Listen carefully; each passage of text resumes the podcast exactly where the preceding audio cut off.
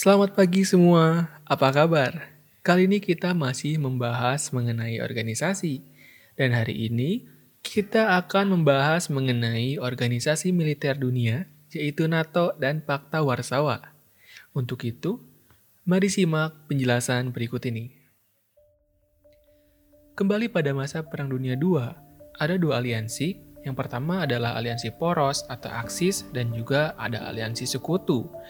Kalau aliansi poros dan aksis ini meliputi negara Jerman, Italia, dan Jepang, sedangkan aliansi sekutu meliputi negara Inggris, Amerika, dan Uni Soviet. Nah, dalam peristiwa ini kita tahu bahwa sekutu menang dalam Perang Dunia II. Kubu pemenang kemudian berhak menyebarkan ideologi pada kubu yang kalah, termasuk juga pada negara dunia ketiga atau kita sebut sebagai negara berkembang. Namun, Penyebaran pengaruh negara pemenang ini terhambat karena dalam anggota aliansi, sekutu ini terbagi menjadi dua ideologi. Ada Amerika Serikat dan Inggris memiliki paham liberalis, sedangkan Uni Soviet memiliki paham sosialis komunis. Terdapat perbedaan ideologi pada kubu pemenang, yaitu ada liberalis dan juga komunis. Penyebaran pengaruh ideologi ini dilakukan secara laten atau tidak tampak fisik, tidak seperti dalam halnya Perang Dunia II oleh dua kubu yang kita tahu dalam Perang Dingin ini ada blok barat dan juga blok timur kan ya. Nah, blok sekutu atau blok barat dan juga blok Uni Soviet atau blok timur kemudian menyebarkan paham dalam berbagai bentuk. Salah satunya yaitu adalah kerjasama regional dalam bidang pertahanan dan menjadi bentuk strategi utama kedua pihak untuk mempertahankan dan menyebarkan ideologinya. Organisasi militer yang dibuat untuk menahan pengaruh di antara keduanya, baik oleh sekutu maupun oleh Uni Soviet, yaitu adalah NATO dan Pakta Warsawa. Kalau NATO ini masuknya ke dalam blok barat, sedangkan Pakta Warsawa masuknya ke dalam blok timur. Oke, kita mulai pembahasan dari NATO dulu. Nah, NATO, North Atlantic Treaty Organization. NATO ini didirikan oleh Amerika Serikat pada 4 April 1949 di Washington DC, di Amerika Serikat. Nah, latar belakang dari negara sekutu mendirikan NATO yaitu untuk membentuk kerjasama militer negara-negara wilayah Atlantik Utara, yaitu Amerika dan Eropa, demi mencegah penyebaran ideologi Uni Soviet mencegah penyebaran ideologi komunis. Di samping itu, pembentukan NATO merupakan bagian dari upaya yang lebih luas untuk melayani beberapa tujuan. Yang pertama adalah menyelesaikan sengketa dengan damai. Lalu yang kedua adalah mencegah penggunaan kekuatan militer dalam hubungan internasional. Lalu menghilangkan persengketaan politik ekonomi internasional, melakukan peningkatan kerjasama ekonomi antar negara anggota NATO, dan membela negara anggota dengan NATO ini mempunyai prinsip yaitu untuk melindungi negara anggota yang disetujui oleh pihak lain. Bagi NATO, menyerang satu anggota NATO sama dengan menyerang seluruh anggota. Organisasi NATO sebagai bagian dari Perang Dingin yang lahir dari Blok Barat berfokus pada bidang pertahanan negara Atlantik Utara. NATO berdiri karena semakin menyebarnya pengaruh Uni Soviet dengan komunismenya di Eropa Timur dan juga terjadinya persaingan hebat antara Amerika Serikat dan Uni Soviet dalam Perang Dingin. Untuk mencegah pengaruh paham komunis meluas, maka 12 negara yang termasuk adalah negara-negara Atlantik Utara seperti Amerika Serikat, Kanada, Prancis, dan negara-negara Eropa Barat lainnya bertanda tangan pada naskah perjanjian Atlantik Utara tanggal 4 April 1949 di Brussels, Belgia. Itu adalah NATO, North Atlantic Treaty Organization. Nah, kita lanjut satu lagi pembahasan mengenai Pakta Warsawa. Pakta Warsawa ini merupakan organisasi militer oposisi dari NATO atau bahasa kitanya itu kayak lawannya dari NATO gitu ya. Nah, Pakta Warsawa ini merupakan aliansi negara blok timur di Eropa Timur termasuk juga Uni Soviet dan sering disebut sebagai traktat persahabatan atau kerjasama atau saling membantu Warsawa gitu.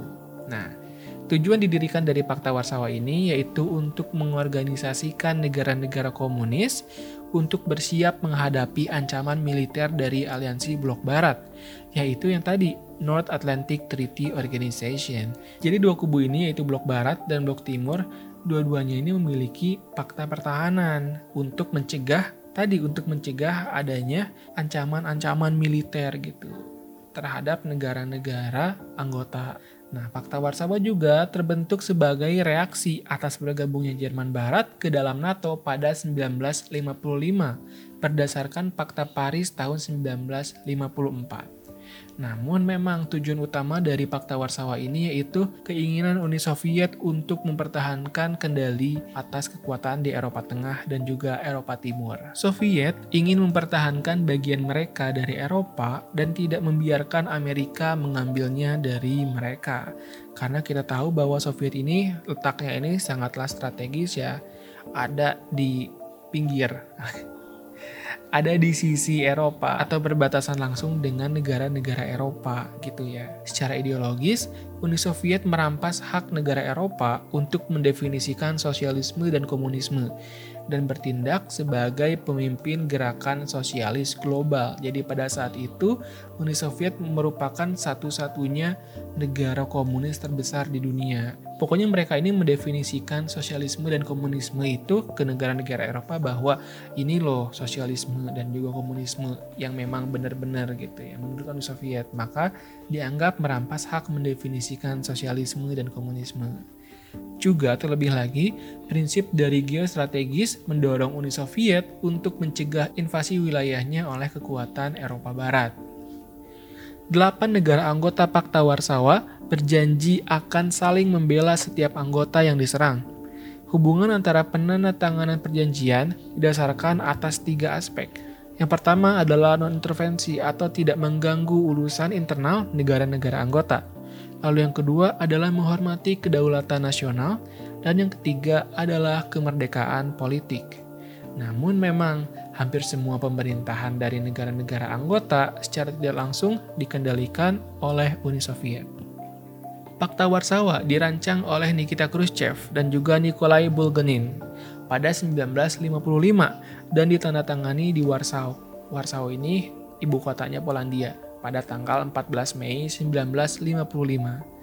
Anggota dari Pakta Warsawa di antaranya yaitu ada Uni Soviet, Bulgaria, Rumania, Jerman Timur, Hungaria, Polandia, dan Cekoslovakia.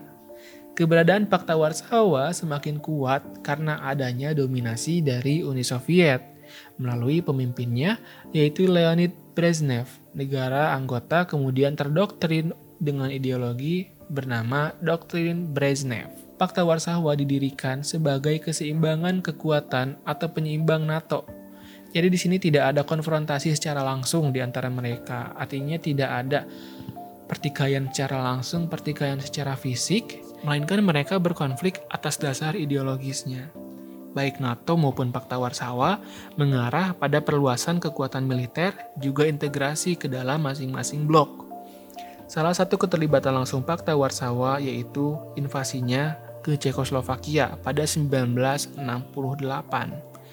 Invasi tersebut dilakukan untuk mencegah reformasi pemerintahan yang ingin menghilangkan pengaruh Uni Soviet di Cekoslovakia.